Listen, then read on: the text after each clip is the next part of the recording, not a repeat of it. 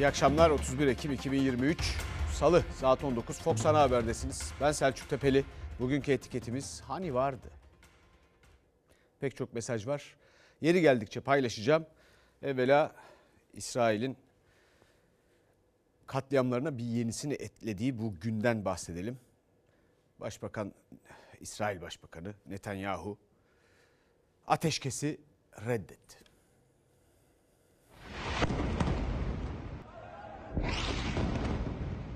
Netanyahu ateşkes yok dedi, savaş uçakları mülteci kampını 6 bombayla vurdu. En az 100 kişi hayatını kaybetti, 300'ün üzerinde kişi yaralandı. İsrail Gazze'de işlediği insanlık suçlarına bir yenisini ekledi. 25 günde hayatını kaybedenlerin sayısı 9000'e yaklaştı. İsrail ordusu gelen tepkilere kulak tıkadı. Hastanelere saldırmayı sürdürdü. Ordunun savaş uçaklarının son hedefi Gazze şeridinin tek kanser hastanesi olan Türk-Filistin Dostluk Hastanesi'ydi. Hastanenin en üst katına füze isabet etti. Çıkan yangın söndürüldü. Binada ağır hasar oluştu. Türkiye saldırıya sert tepki gösterdi. Dışişleri Bakanlığı hastane koordinatlarının İsrail'e verildiğini, buna rağmen vurulmasının kabul edilemez olduğunu duyurdu. Saldırıyı en şiddetli biçimde kınıyoruz dedi. Böyle bir saldırının hiçbir izahı olamaz. İsrail Gazze sakinlerini topyekün hedef almaktan vazgeçmelidir. İsrail-Hamas savaşının 25. gününde çatışmalar Gazze içine taşındı. İsrail askerleri dış mahallelere girdi. Sokak çatışmaları başladı. Hamas, İsrail ordusunun Gazze'nin kuzey ve orta kesimlerine doğru ilerlemeye çalıştığını açıkladı. Şiddetli çatışmalar yaşandığını belirtti. Erez sınır kapısında toplanan askerlere saldırı görüntülerini yayınladı. 29 Ekim'deki saldırıda Hamas üyeleri sınıra yakın bir noktada tünelden çıktı. Çalılıklar arasında ilerledi. İsrail güçlerine ateş açtı. Roketle vurulan askeri araçta yangın çıktı. İsrail'e ateşkes çağrıları sürerken Başbakan Netanyahu da net konuştu. Ateşkes olmayacak dedi. Gazze'de katliamı sürdürmekte kararlı olduğunun mesajını verdi. Hamas-İsrail çatışmaları Türk siyasetinde de öncelikli gündem maddesi. CHP lideri Kemal Kılıçdaroğlu, Cumhurbaşkanı Erdoğan'a hedef aldı. Gazze'nin özlemi içerisindeyim. Er veya geç Gazze'ye inşallah gideceğim. 2011. Gitti mi? Yok. 2013. Nisan'da Gazze'ye gideceğim. Dönemin Amerikan Dışişleri Bakanı Gazze'ye gitme diyor. Bizimki derhal geri vites. Devlet Bahçeli ise Meral Akşener'in canını cebine koyar Gazze'ye gidersin sözlerine yanıt verdi. Öyle geniş zaman kipleriyle atılan yüksek desibelli ama eylemden uzak tiratlarla bu işler olmaz. Çünkü büyük sözlerin hakkı büyük eylemlerle verilir. Koyarsın canını cebine, gereğini yaparsın. Bizde para gibi, cüzdan gibi, çek karnesi gibi cebe koyulacak can değil. Gerektiği takdirde feda edilecek can vardır. Neden çocuklara dokunulmaması gerekir? Neden öyle düşünülür? Neden vicdanlarsızlar? Çünkü her ne kadar çocukları sonra biz hayatın içinde onlara verdiklerimizle yoldan çıkarıyorsak bile en azından ön yargısız doğarız. Ama buna sahip çıkan bir dünya olmadığı gibi sözünün gücü olan maalesef iddia edildiği gibi sözünün gücü olan bir iktidarımız da yok. Açıklama yapılıyor, kabul edilemez veya bunun gibi şeyler kimsenin baktığı yok. Hani vardı sözümüzün gücü? Hani vardı? Dünyada liderdik. Ama onun şartları başka. Anlatırız onları da. Bu arada dün söylediğim gibi dün bir alıntıyla söyledim. Bir İsrailli tarihçiden Le Monde'a konuşmuş. Bundan birkaç hafta önce söylediğim bir şeyi doğrulamış. İsrail'in hiçbir siyasi planı yok. Ve en büyük açık noktaları bu. Sadece kaba güç, vahşet, katliam. Efendim Cumhuriyet'in 100. yılına geçelim. Cumhuriyet'in 100. yılında sönük kutlama tartışması. Cumhuriyet'in 100. yıl dönümü kutlamaları şükürler olsun şölen ortamında muazzam bir coşku havasında yapılmıştır. Bu iktidar birçok şeyi Cumhuriyete nazire yaparcasına açılım süreciyle ilgili görüşmeleri Dolmabahçe'de yapmıştır. Cumhuriyetin 100. yılı gibi önemli bir kutlamayı Sayın Cumhurbaşkanı donanmayı selamlamak suretiyle Vahdettin Köşkü'nde yapmıştır. Bu kabul edilebilir bir şey değildir. Erdoğan'ın Cumhuriyet'in 100. yılında İstanbul'daki geçit törenini Dolmabahçe Sarayı'ndan değil, son Osmanlı padişahının adını taşıyan Vahdettin Köşkü'nden izlemesi. İyi Parti'den çok sert tepki geldi. Havada uçan jetlerimiz, İstanbul Boğazı'ndan sırayla geçen savaş gemilerimiz dosta güven, düşmana da korku salmıştır. Böylesine önemli bir günde donanmayı ve hava kuvvetlerini Vahdettin Köşkü'nden selamlıyorum diyerek Cumhuriyet düşmanlarına cüret, cesaret verme hakkı Cumhurbaşkanı bile olsa hiç kimsenin hakkı değil. Bir yüzyıllık miras. Her tarafında fabrikalar kuran bir Türkiye'yi, uçak ihraç eden 5 ülkeden birisi olan Türkiye'yi nasıl görmesiniz? Fisko Birliği Toprak Mahsulleri Ofisi'ni nasıl görmesiniz? Sağlıkta hastane yatak sayımız 1923'te 12 bini bulmazken bu yıl ise 268 bine yükseldi. Yoksullukla mücadele eden o onurlu Türkiye Cumhuriyeti Devleti Osmanlı'dan miras kalan her borcu son kuruşuna kadar ödedi. Bunlar da şimdi kapı kapı dolaşıyorlar. Acaba bir yerlerden biraz para bulabilir miyiz diye. Cumhurbaşkanı Erdoğan Cumhuriyet'in 100. yılında Cumhuriyet'in ilk yıllarıyla bugünü yani 1923-2023 kıyaslaması yapmıştı. CHP lideri o dönemin şartlarında kurulan fabrikaları hatırlattı. Kıyas bile kabul edilemez dedi. Erdoğan'a yüklendi. Cumhuriyeti kuran yiğit insanlar Türk lirasının değerini korudular. Bunlar ise Türk lirasını yerlerde sürünür hale getirdiler. Kişi başı milli gelirimiz 1923 yılında 45 dolar iken 10.659 dolara çıktı. Onlar mal varlıklarıyla tehdit edilmediler. Türkiye Cumhuriyeti Devleti'ni sınırlarını korudular.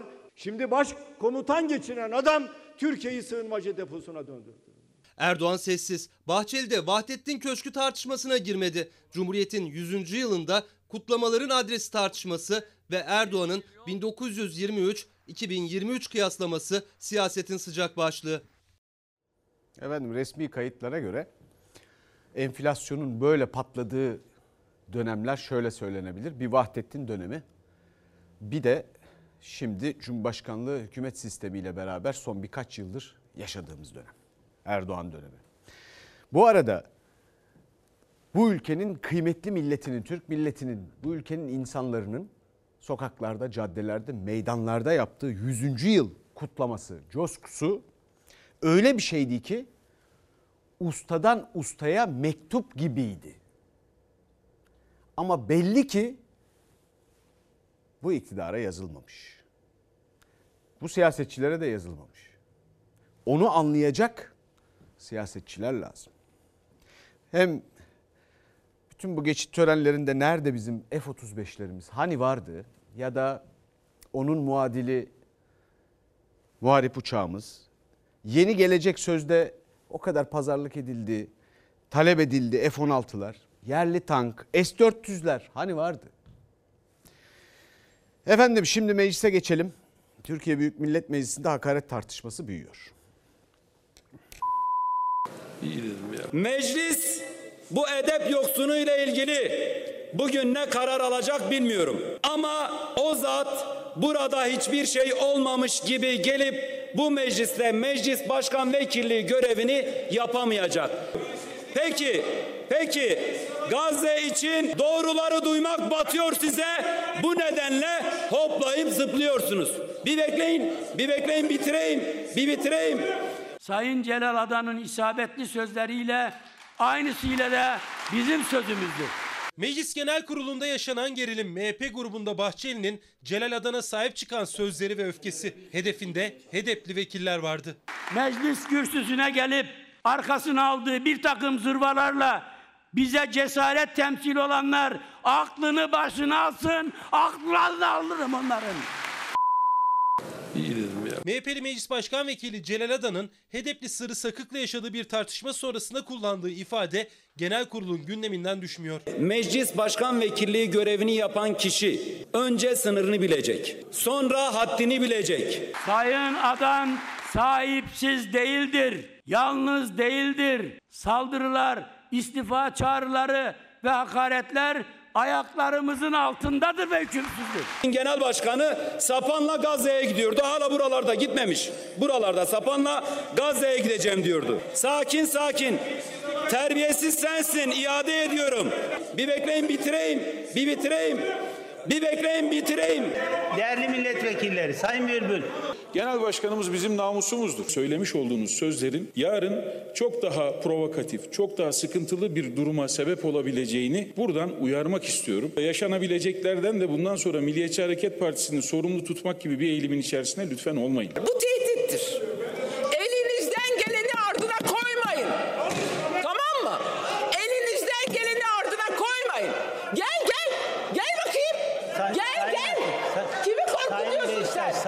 Beşiktaş lütfen genel Böyle bir şey olur mu ya? Sayın Buradan kürsüye yürüyecek ya. Elinden gelse burada dövecek ya. Türk ve Kürt düşmanlığından nemalanan azgın güruh bize usul ve üslup dersi veremez. Aklını başına alsın, aklını alırım onların. HEDEP MHP hattındaki yüksek tansiyon sözlere böyle yansıdı.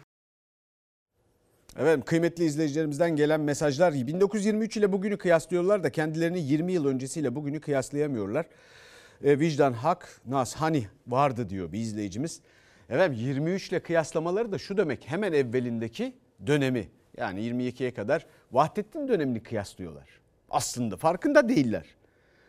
Dolayısıyla yaptıkları kıyaslama oradan kendi bakış açılarına göre yanlış bir kere.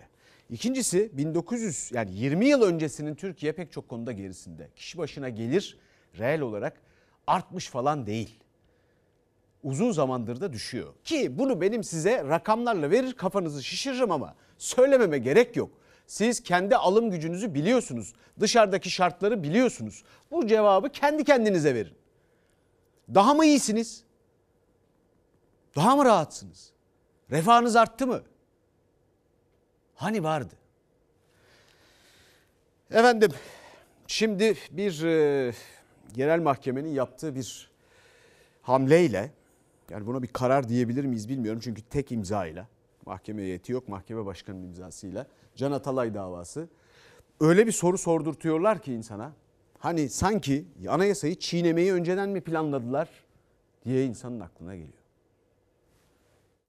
Hatay, Şerafettin Can Atalay. Anayasa Mahkemesi tarafından hak ihlaline uğradığı tescil edilmiş bir milletvekilinin görevini yapması engellenmektedir. Bir mahkeme kararının uygulanmamasını kabul etmeyeceğiz. Anayasa Mahkemesi'nce verilen bireysel başvuruya konu ihlal kararı mahkememizin kararına ilişkin olmayıp Yargıtay ilgili ceza dairesince verilen tahliye talebinin reddi kararına ilişkin olduğu Anayasa Mahkemesi'nin hak ihlali kararını uygulamayan 13. Ağır Ceza Mahkemesi Başkanı tek imza ile dosyayı Yargıtay'a gönderdi. 17 gün önceki tarihli yazıyla. Anayasa Mahkemesi hak ihlali kararını 25 Ekim'de vermişti. Dosyanın Yargıtay'a gönderildiğine ilişkin yazı 13 Ekim tarihli. AYM kararından 12 gün önce. Suç işliyorlar. Halkın iradesini yok sayan, halkın seçtiği milletvekilini hapiste tutan bir rejime demokrasi denmez. Anayasa Mahkemesi 5'e karşı 9 oyla tutuklu milletvekili Can Atalay'ın seçilme, kişi hak ve hürriyetinin ihlal edildiğine karar verdi. Can Atalay'ın tahliyesi, yargılamanın yeniden başlaması ve milletvekilliği bitene kadar durdurulması için de gerekçeli kararı Atalay'ın yargılandığı 13. Ağır Ceza Mahkemesi'ne gönderdi. Anayasa Mahkemesi kararlarının gerçek ve tüzel kişileri, her kurumu bağlar. Ancak 13. Ağır Ceza Mahkemesi Başkanı Anayasa Mahkemesi'nin kararına uymadı. Atalay hakkındaki hak ihlalinin Yargıtay 3. Ceza Dairesi'nin kararıyla oluştuğunu belirtip dosyayı Yargıtay Cumhuriyet Başsavcılığına gönderdi. O kararın altında da sadece mahkeme başkanının imzası var. Üyelerin yok. Bu siyasi iktidar geziye olan kinini, öfkesini hala bitirebilmiş değil. Ne yapıp edip Can Atalay'ı içeride tutmaya çalışıyorlar. Her türlü numarayı çeviriyorlar. Biz bu memlekette anayasanın, yasaların keyfi biçimde ayaklar altına alınmasını sindirmeyeceğiz. İkili devlet anlayışını kabul etmiyoruz. Buna alışmayacağız. İstanbul 13. Ağır Ceza Mahkemesi'ne neredeyse bir kılavuz açıklığında yazılan Anayasa Mahkemesi kararını başka bir merciye gereği için göndermesinin açık hukuka aykırılığının HSK tarafından soruşturulmasını talep ediyorum. Milletvekili Meclis İnsan Hakları Komisyonu üyesi tutuklu Can Atalay da cezaevinden yaptığı açıklamada Anayasa Mahkemesi kararını uygulamayan 13. Ağır Ceza Mahkemesi Başkanı'nı HSK'ya şikayet etti. Anayasa ihlali söz konusu e, ve hakim ve savcılar burada görevlerini kötüye kullanıyorlar. Yerel mahkemenin Anayasa Mahkemesi kararına rağmen dosyayı Yargıtay'a göndermesi anayasal düzene karşı gelmek diyor muhalefette. Atalay'ın avukatları da. Gözler şimdi Yargıtay Cumhuriyet Başsavcılığında. Efendim burada konunun Can Atalay'ın gezinin filan ötesinde bir durum olduğunu söylemek lazım. Bir prensip meselesi. Yerel mahkeme oyalama niyetiyle yükümlülüğünü yerine getirmeyip üzerinden 60 gibi görünüyor bir defa. Anayasa açık. Anayasa Mahkemesi'nin yetkileri açık, teamüller açık. Bir de sehven denen bir tanıdık bahaneyle sehven biliyorsunuz uyduramayınca sehven deniyor. 13 Ekim tarihli sözde hatalı bir evrakı değiştirmeyi unutup 25 Ekim'deki AYM Anayasa Mahkemesi kararından önce yani dolaşıma sokuyorlar. İşleme koyuyorlar. Sonra da diyorlar ki sehven. Şimdi bu çok acayip. Bu anayasa ihlali. Anayasa Mahkemesi de bunu dile getiriyor zaten. Şimdi biri çıkıp dese bu yargı eliyle anayasal düzeni zedelemektir dese, bozmaktır, bozmaya girebilir dese. Yani Atalay'ın mahkumiyetinin e, gerekçelerin ne olacak? Hani adalet vardı, hani hukuk vardı. Yahu en azından buradan demokrasi çıkmıyor da şimdi birazdan bir başka haberde göreceksiniz. Demokrasinin de nasıl zedelendiğini. Yahu en azından bir logokrasi ister insan. Yani var olan kurallara uymak. Bakalım şimdi o bahsettiğim diğer habere. İfade özgürlüğüne suç icadıyla gözaltı. Cumhuriyetin bütün nimetlerinden faydalanıp onu yok etmeye çalışıyorlar. Bir anda 100 yıl önce anayasaya cumhuriyet yazdırmak için ömrünü feda edenler, bir anda bugün onu yok etmeye çalışan, Türkiye 100 yılı masalına herkesi inandırmaya çalışanlar. Bildin mi 100 yıl önce kurulmuş cumhuriyetinin değerini? Türkiye yüzyılını hedef aldığı bir eğitim kurumunda siyaset yapıldığı ve benzeri şekilde yer alan görüşler üzerine şüpheli EK isimli şahıs 30-10-2023 günü yakalanmış. Türkiye Cumhuriyeti'nin 100. yıl kutlamalarında özel bir eğitim kurumunda görevli öğretmen yaptığı konuşmasında Cumhuriyet'in kurucularına minnetini anlattı. Bugüne dair eleştirilerini gözaltına alındı. Antalya Emniyet Müdürlüğü öğretmenin Türkiye yüzyılını hedef aldığını açıkladı gözaltı gerekçesinde. Türkiye yüzyılı AK Parti'nin sloganı. Bundan suç çıkararak saraya yaranmak isteyenler de hukuk devletini maalesef yok sayan bir anlayıştır. Koskoca ülkem, Araplar için darphane, Bulgarlar için AVM, Suriyeliler için doğumhane, bizim için tımarhaneye dönüştürülmeye çalışılırken sen neredesin? 29 Ekim törenlerinde Antalya'da özel bir okulda bir öğretmen kürsüde Türkiye Cumhuriyeti'nin ne zorluklarla kurulduğunu anlatırken 100 yıl sonra geldiği noktayı eleştirdi. Farkındalık yaratmak adına da sen neredesin diye sordu. Cumhuriyetin göz bebeği bütün fabrikaların bir bir yabancılara satılırken, Türkiye Cumhuriyeti vatandaşlığı parası olan herkese çerez gibi dağıtılırken, yabancılar ülkende imtiyazlarla sefa sürerken, parası olan her şeye hüküm verirken, memurun, doktorun, işçin, öğretmenin kendi ülkesinde ikinci sınıf vatandaş muamelesi görürken sen neredesin?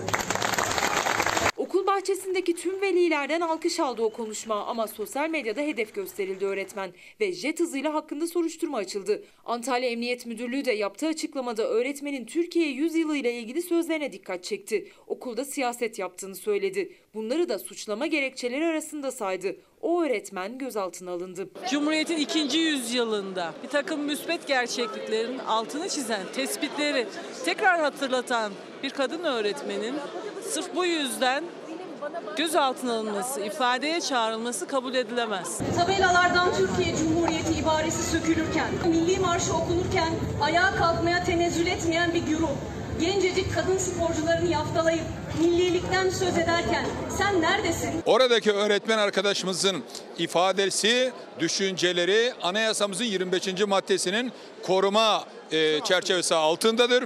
Bu şekilde yapılan bu soruşturma otoriter bir rejimin uygulamasıdır. Cumhuriyetin değerlerini savunmak ne zamandan beri suç teşkil etti? İlgili okula müfettişler baskın yapmış. Bu iktidarın kendi gibi düşünmeyenlere uyguladığı bir baskı unsurudur. Gözaltına alınan öğretmen nöbetçi savcıya ifade verdikten sonra serbest bırakıldı. Milli Eğitim Bakanlığı da idari soruşturma için müfettiş görevlendirdi.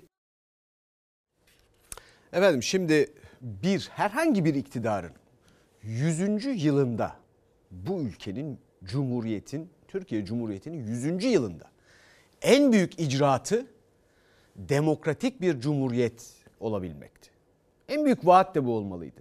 Zaten gelişme, zenginlik adil bir biçimde insanların saygın bir biçimde yaşadığı bir ülke, sözünün gücü olan, dışarıda da dinlenen, kulak verilen, sözüne güvenilen ve uyulan bir ülke olmasının yolu da buydu. Ya da yatırımlar, gelecek sermaye şu bu. Yolu buydu. Bunu yapmadılar. Efendim burada hikayeyi gördünüz. Öğretmeni, müdürü veya başka kamu görevlilerini talimatla mitinge götürmek siyasi bir şey değil. Siyaset yapmak değil. Değil mi? Yapılıyor mu yapılmıyor mu? Siz memur değilseniz başınıza gelmediyse birine sorun bakalım. Aranızda kalsın. Ama kamu vicdanı yani bu milletin vicdanı siyasi. Peki milletin vicdanı hangi siyasi partiymiş arkadaş? Birisi bir söylesin bakayım bana. Hangi siyasi partiymiş? Ona kulak vermezseniz hiçbir yere varamazsınız. Şimdi geçelim nasıl varılamadığını göreceğiz şimdi. Kredi Yurtlar Kurumu'nda skandal üstüne skandal. Sakin ol benim de elim ayağım titriyor. Abi. Ağlama sakin ol. Eda sakin ol. Eda sakin ol bir şey bir şey yok. Tamam bir şey yok. Bir şey yok. Aydın'da KYK yurdunda düşen asansörde can verdi Zeren Ertaş. Bu büyük acıdan tam 5 gün sonra bu kez Ordu Fatsa'da yine KYK yurdunda öğrencilerin bindiği asansörün halatı koptu. Asansör asılı kaldı. Öğrenciler dakikalarca kurtarılmayı bekledi. Karanlıkta yaşadıkları büyük korkuyu böyle kaydettiler. Açılmıyor mu? Hayır. Hayır tamam sakin ol. Tamam sakin ol bir şey yok. Basayım mı? Hayır basma elleme. Korkuyor musun? Çakılacağını düşünüyorsun. Ne demek binme ya? Zeren Ertaş'ın ölümünün ardından Türkiye'nin dört bir yanında öğrenciler can güvenliği endişelerini dile getirdi. Sinop'ta Yurt Hizmetleri Müdürü'nden bu yanıtı aldılar, endişeleri katlandı. Ordu'da kopan halat o endişelerinde ne kadar haklı olduklarını bir kez daha ortaya koydu. Öğrenciler kurtarıldıktan kısa süre sonra asansör zemine çakıldı. Çorum'da da öğrenciler yine Kredi ve Yurtlar Kurumu'nun asansöründe mahsur kalınca yaşananları protesto etti. Hastaneye gittik, serum yedik. Müdür 60 kişi falan diyor ama bence daha fazla. Çünkü buradan 10 tane falan e, ambulans gitti. KYK yurtlarına ilişkin skandallar asansörle de sınırlı değil. İstanbul Küçükçekmece'deki yurtta en az 60 öğrenci akşam yemeğinden zehirlendi. 9-10 tane ambulans vardı yani. Biri gitti, biri geldi. Bayağı şey e, kötüydü kızlar yani gözlerinin feri bile gitmişti. Siz neden yememiştiniz? Arı çıktı dediler akşama doğru. Ben biz de geldik dedik bugün yemeyelim. İyi ki de yememişiz. İstanbul Küçükçekmece'deki öğrenci yurdunda akşam yemeğinde çorba, patates, bulgur pilavı, tavuk ve ayran vardı. Öğrenciler yedikten bir süre sonra fenalaştı. Mide bulantısı ve baş dönmesi şikayetleriyle hastaneye kaldırıldılar. Tavuktan dolayı zehirlendiğimiz düşünülüyor. Zaten tavuk çok soğuk ve tadı bir garipti.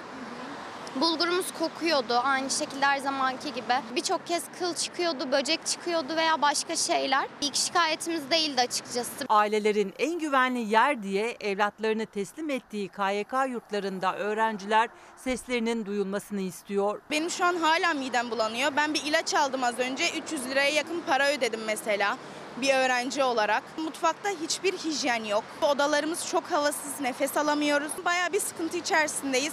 Sesimizi yetkililere duyurmaya çalışıyoruz. Hani vardı bir e, söyleyecek çok sözü olan biri vardı. Kendini ortaya attı. Arkadaşlar hani vardı. Kimdi? Gökhan Kayaçal. Gençlik ve Spor Bakanlığı Sinop Yurt Hizmetleri Müdürü. Ne demişti? Korkuyorsan binme o zaman demişti. Hani vardı çok söyleyecek şeyi vardı. Hani nerede şimdi? Çıksın bir şey söylesin bakalım. Arka arkaya gelen bu olaylarla ilgili. Bu insanlara emanet. Hadi çıksın şimdi bir şey söylesin bakalım. Bu nedir ya? Korkuyorsan binme o zaman. Bak bak bak bunu şuradan hatırlarsınız. Böyle bir taksiye şuraya buraya binemezsin. İşte paran yok bir şey yok. Otobüse bineceksin filan hani derler ya. Binme o zaman taksiye bin filan derler ya bak o kafa bu işte.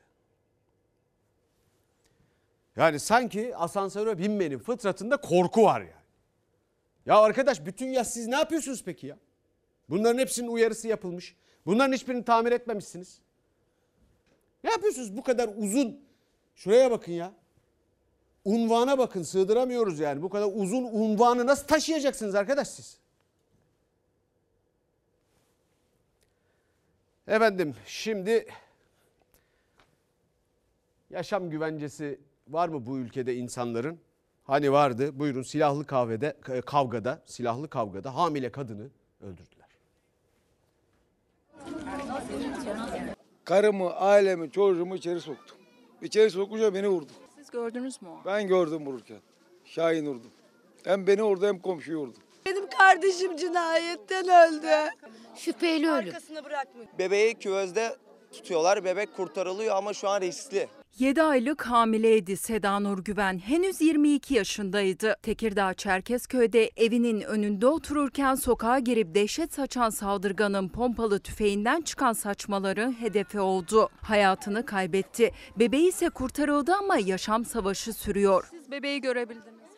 Göremedik abla. İnan ki biz bu mahalleye şu anda girmeye bile korktuk abla. Bak polisler orada bekliyor. Korkuyoruz abla. Pompalı silahı komple ailece bizi vurmaya kalktı. Beni de buradan vurdu. Neden tartıştınız? Hiçbir şey yok aramızda. Ne bağırış ne çağırış bir olayımız yok. Yapma dedim git dedim al kendini git. Başladı evi taratma. İddiaya göre Şeyde isimli bir kişi elinde pompalı tüfekle bu noktaya kadar geldi. Hemen burada bulunan at arabasında bulunan bir kişiyi tüfeğin dipçiyle vurarak yere düşürdü ve buradaki eve saldırdı. Bir kişiyi omuzundan yaraladı. Kurşun burada iki tane kurşun girdi. Buradan girdi arkadan çıktı. Kurşun izlerini evin duvarında görmek mümkün ancak şeyde yine hızını alamadı ve yandaki eve kadar devam etti. Orada ise hamile 7 aylık hamile bir kadın vardı ona da ateş etti. Kadın boğazından yaralandı hastaneye kaldırıldı. Karnındaki bebeği ameliyatla alındı ancak hamile kadın hayata tutunamadı ve bebeği gözlerini hayata annesiz açtı. Kavga çıktı diyorlar. Bir tek benim kardeşim ölüyor. Kimse yaralanmıyor. Şoktayım ben yani nasıl öldü? Aranmasını istiyorum kızımın cinayeti. Kasken yapıldı yani bu. Odun kavgası olduğu iddia ediliyor ama 22 yaşındaki Seda Nur Güven o kavganın tarafı değildi. Bebeği ameliyatla karnından alınan genç kadın gözyaşlarıyla toprağa verildi. Saldırgan Tekirdağ'ın Saray ilçesinde saklandığı evde yakalandı, gözaltına alındı. Acılı aile ŞD'nin en ağır cezayı almasını istiyor. Yoğun bakıma alınan bebeğin hayata tutunmasını diliyorlar. Bebek şu anda hayatı tehlikesi tehlikedeymiş. Kocasının, Şey karısının abisi. Ama şimdi akıllı mantıklı değil abla. Bu dosyayı çok derin bir şekilde herkesten teker teker ifade alınıp tek tek ifadelerini şey yapmak istiyoruz. Efendim bir kıymetli izleyicimiz bugün sosyal medyada etiketi paylaşırken yaptığım e, ona da paylaşım deniyor herhalde. paylaşımdaki müziği e, ele almış. Canno sever. Johann Sebastian Bach. Merhamet et Tanrım gözyaşlarımın hatırına. Adalet, merhamet hani vardı demiş. Efendim şimdi ünlüleri geçim kapısı yapan istismarcıya dur dedi. Kim? Hazal Kaya.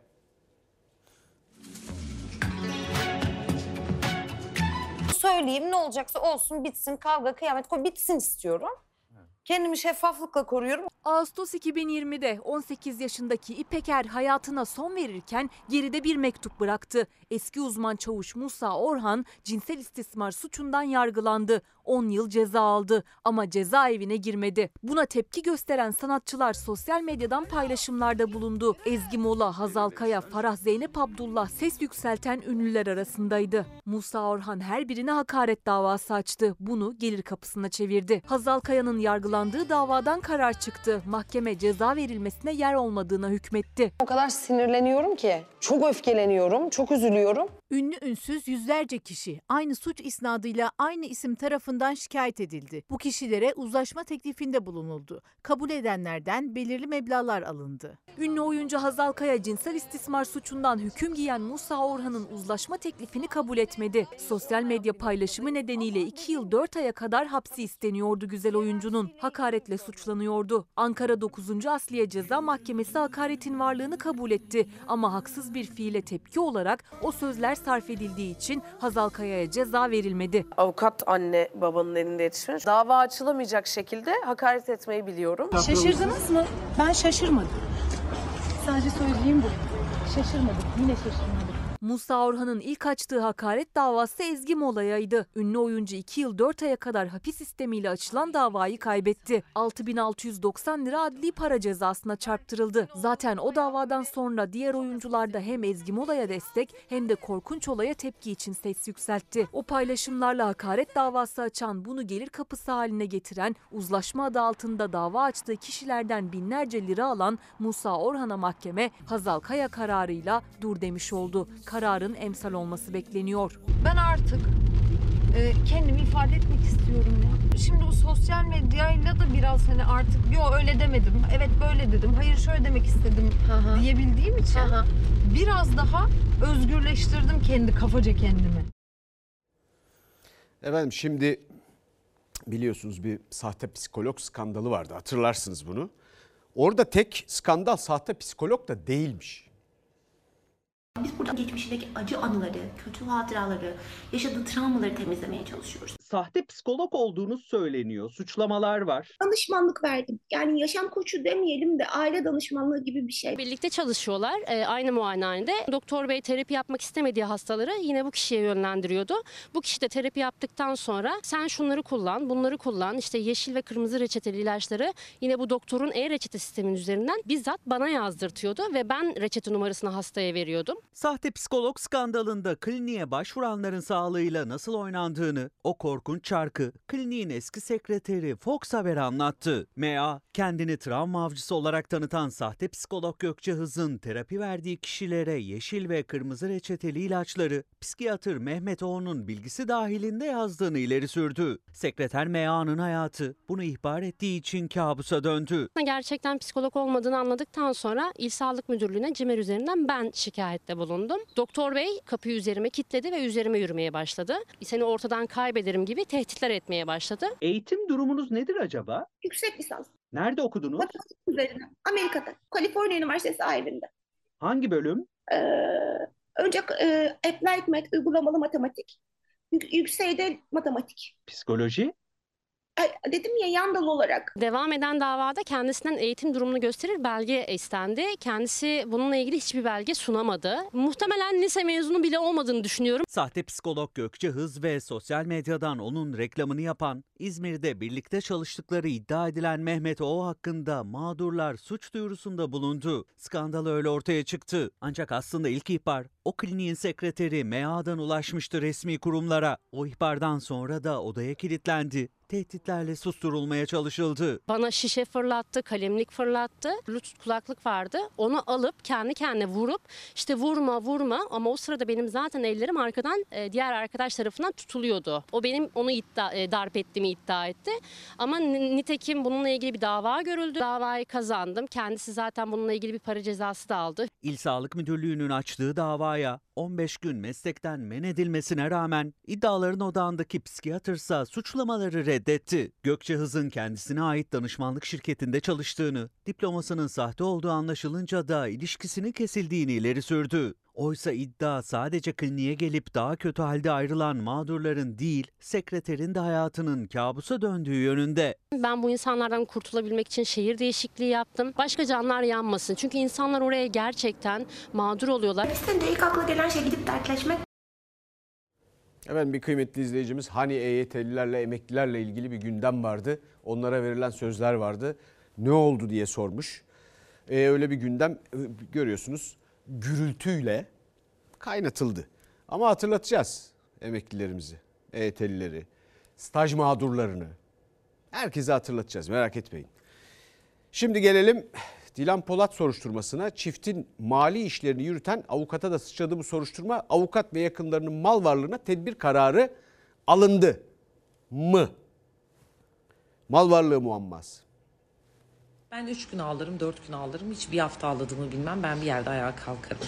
Dilan Polat soruşturması her geçen gün daha da genişliyor. Savcılık incelemelerini derinleştirdi. Dilan Polat ve eşi Engin Polat'la yakınlarının ardından kara kutuları olduğu iddia edilen avukat Ahmet G için de mal varlığına tedbir kararı verildi. Zenginler ama akılları yok diyecekler. Dilan Polat ve eşi Engin Polat'ın milyonlarca kişi tarafından takip edilen lüks yaşamları Masak'ında dikkatini çekmişti. 11 Ekim'de çifte ve yakınlarına ait tüm şirketlere taşınır taşınmaz tüm mal varlıklarına tedbir konuldu. Şirketlere operasyon düzenlendi. Polat çiftinin operasyonlardan hemen önce belge kaçırdığı iddiası üzerine polis Engin Polat'ın babasına ait villanın bahçesinde kazdı. Ve başka sektörlerde de büyüyünce zaten göreceksiniz. Bugüne kadar ülkemizde buna benzer olaylarda yaşanmış tüm soruşturmalara göz atıldığında yargılama sonrası sonuç dağın fare doğurması gibidir. Dilan Polat'ın bu açıklamasının üstünden 48 saat geçti. Soruşturmada henüz bir gözaltı yok. Ancak kapsamı daha da genişledi. Çiftin kara kutusu olduğu iddia edilen Ahmet G ve yakınlarına da sıçradı. Magazin ben, haberler ben, sağda solda konuşan ben, etkileşim isteyen, izlenmek için karalayan beni buluyor. Dilan Polat çünkü şey reklam ponosu. Ahmet G'nin evinin bahçesinde Anayasa Mahkemesi raportörü babasının devlete olan 1 milyon 600 bin TL'lik borcunu sildirmesini talep etti. İlgili vergi dairesi şefi gelerek geçmişe yönelik evrak düzenledi. Borç silindi. Bu işlemin ardından vergi dairesi şefine rakamını net bilmediğim dolar olarak para ödendi. Mali müşavirlikte yapan avukat Ahmet G'nin eski şoförünün bu iddiaları mahkeme kayıtlarına da geçmişti. Polat çiftinin kara kutusu olduğu vergi usulsüzlüğü ve rüşvet suçlamalarına adının karıştığı iddia ediliyor. Ahmet G ile birlikte birinci ve ikinci derece yakınlarının mal varlıklarına tedbir kararı verdi mahkeme. Henüz o karar avukata ulaşmadı. Ancak daha önce Dilan Polat'ta tedbir kararı bulunmadığını öne sürmüş, savcılık açıklamasıyla karar netleşmişti. Tedbir kararın anasını göreceksin. İftira mı? İftiranın danasını göreceksin sen. Efendim biraz şımarıklıkta yetersiz olmasalardı. Yetersizler onca havadan gelen paraya rağmen yetersizler rüküşlükte, şımarıklıkta. Yani biraz olsaydı çağdaş sanatın zirvesine oturabilirdi. Bu gördüğünüz ifadeler, sözler, şunlar bunlar mesela gerçekten zirve yani. Dünyada bütün bienallerde çağdaş sanat ortamlarında sergilenebilir. Engin bana beyin al. Zirve abi. Zirve yani bunun ötesine geçemezsiniz. Mesela Maurizio Cattelan diye bir adam var. Altından klozet yaptı. Onlar acık çünkü para harcamak kültür işi. Biraz öyle olsalardı mesela ondan bir tane edinirlerdi öyle bir şey. Adamla iletişime geçerlerdi. Adam da dünyanın her yerinde bu lafları sergilerdi. Engin bana beyin al. İnsanlığın ulaştığı son nokta bu. Paranın alabileceği bir şeyse herkes yırttı demektir ha. Efendim internet satışında tercih pahalı olan.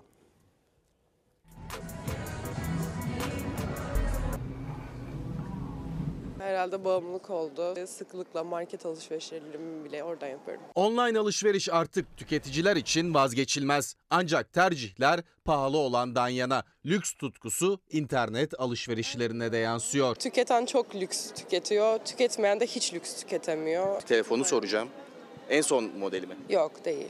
Gerek olduğunda evet en son modelini alacağım. Türkiye'deki en pahalı telefon modeli piyasaya çıkalı yaklaşık bir ay oldu. Ama ne telefon bayilerinde bulunabiliyor ne de alışveriş sitelerinde. Fiyatı 93 bin lira olan bu telefonu almak için tüketici sıra bekliyor. müşteri hayatının önemli parçası olan ürünlerde satın alma yapmaktan çekinmiyor. Sadece cep telefonunda değil, internet alışverişlerinde stokları ilk tükenenler pek çok ürünün en pahalı modeli oluyor. Kahve makinelerinde evde kahve tüketiminin artmasıyla beraber e, bu makinelerin de satışların arttığını gözlemliyoruz. Hem fiyatlar artıyor hem de satışlar. Fiyatı 25 bin liraya yaklaşan süpürgenin satışı geçen yıla göre %1436 arttı.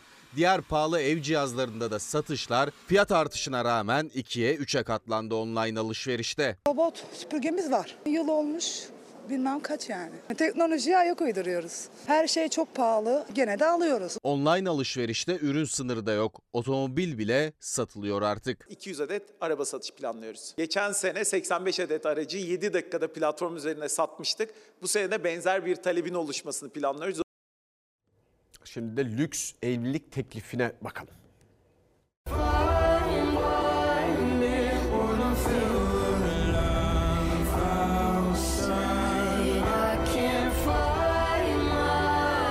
Liradan başlıyor. Ee, paketlerimizin e, istekleri arttıkça fiyatlarımız gitgide yükseliyor. 4 saati 13 bin lira. İçerisindeki paketlerimizin yemeği de e, lazer gösterisi, havai gösterisi, e, ondan sonra kemancısı, drone çekimi hepsi dahil. Bir saatlik evlenme teklifi 6 bin lira, 4 saatlik eğlenceli bir teklifin maliyeti ise 13 bin liraya kadar çıkıyor.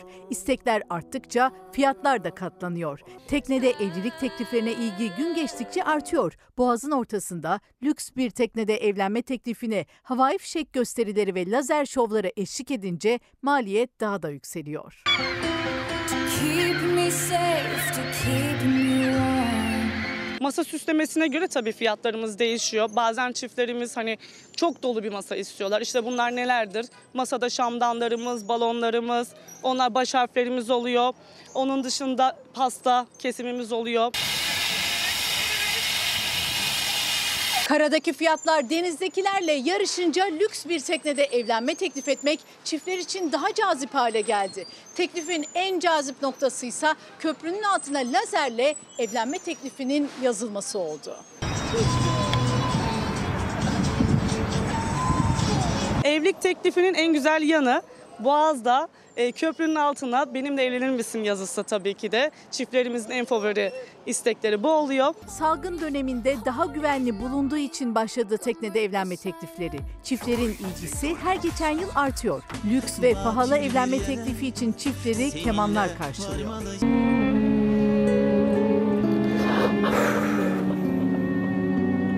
Çiftimiz gelmeden önce kemanla karşılama yapıyoruz. Daha sonra çiftimiz içeriye giriyor. O sırada tabii drone çekimimiz oluyor onlara. Boğaz'da açılıyoruz. Boğaz'da da e, evlenme teklifi yapılacağı zaman teknemiz yatımızın ön tarafına geliyorlar. Ekstradan fasıl ekiplerimiz oluyor. Canlı müzik performanslarımız oluyor. Onlar bizden ne talep ederlerse biz onların hepsini karşılıyoruz. Tekne maliyeti çok gelirse çiftler için sadece karadan görebilecekleri lazer şovlar da var. Evet bu meseleye çatacağım. Ama bir dakika bölümünde şimdi Parla e, marşı klip oldu.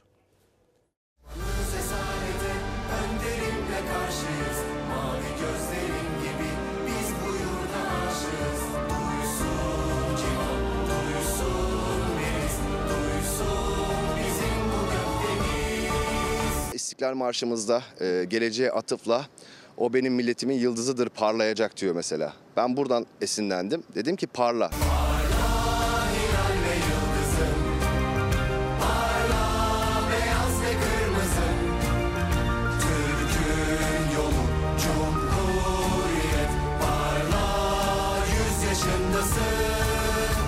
İstiklal Marşı Cumhuriyet'in 100. yılında da ilham oldu. Norm Ender'in Parla isimli marşı bayramda dillerden düşmedi. O kadar sevildi ki Türkiye o marşı söylediği videolarını gönderdi rap sanatçısına. 100. yıl klibi böyle oluştu. Norm Ender olarak tanınan Ender Eroğlu marşını, klibini Fox Haber'e anlattı. Gençlik marşında da işte yürüyelim arkadaşlar. Orada da yürüyelim arkadaşlar diyor. Şimdi bizim marşımızda da yürüyoruz arkadaşlar. Arkadaşlar bu yolda dik yamaç Zor ne bilmeyiz Biz pes etmeyiz Küçükken bunun hayalini de kuruyordum. Yani bir gün bu ülkeye marş yapacağım diye. 100. yıl marşı Parla'nın söz yazarı ve bestecisi, rap müzik sanatçısı Norm Ender. Milyonların duyduğu anda coşkuyla eşlik ettiği marşın hikayesini Fox'un çok sevilen Benden Söylemesi programının sunucusu Merve Yıldırım'a anlattı. Heyecanıyla, coşkusuyla sözlerin nasıl ortaya çıktığını paylaştı. İstiklal Marşı'nı, 10. Yıl Marşı'nı, Gençlik Marşı'nı arka arkaya dinleyin. Sonra bu marşı dinledikten sonra diyeceksiniz ki bu aynı atölyeden, aynı stüdyodan çıkmış gibi. Çünkü evet aynı stüdyodan çıktı. Aynı atölyeden, aynı duygulardan beslenerek çıktı o marş.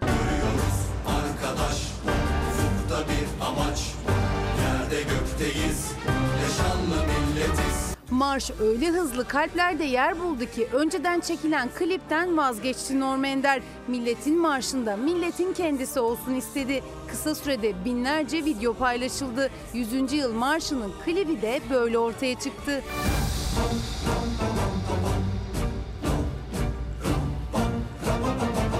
Cumhuriyeti ilan ettikten sonra e, çevremizde yine savaşlar vardı. Hani şu anda dünyanın e, durumu ne olursa olsun biz de bunu kutlamalıyız. Yani bu bizim tarihi olan borcumuz. Benim paylaşımımdaki parça da çok sevildi anlaşılan. Paylaşım da öyle. Selçuk Tepeli Official'a girin. Dinleyin o parçayı. Güzel. Şimdi bir ara sonra bir dakika bölümünde buradayız.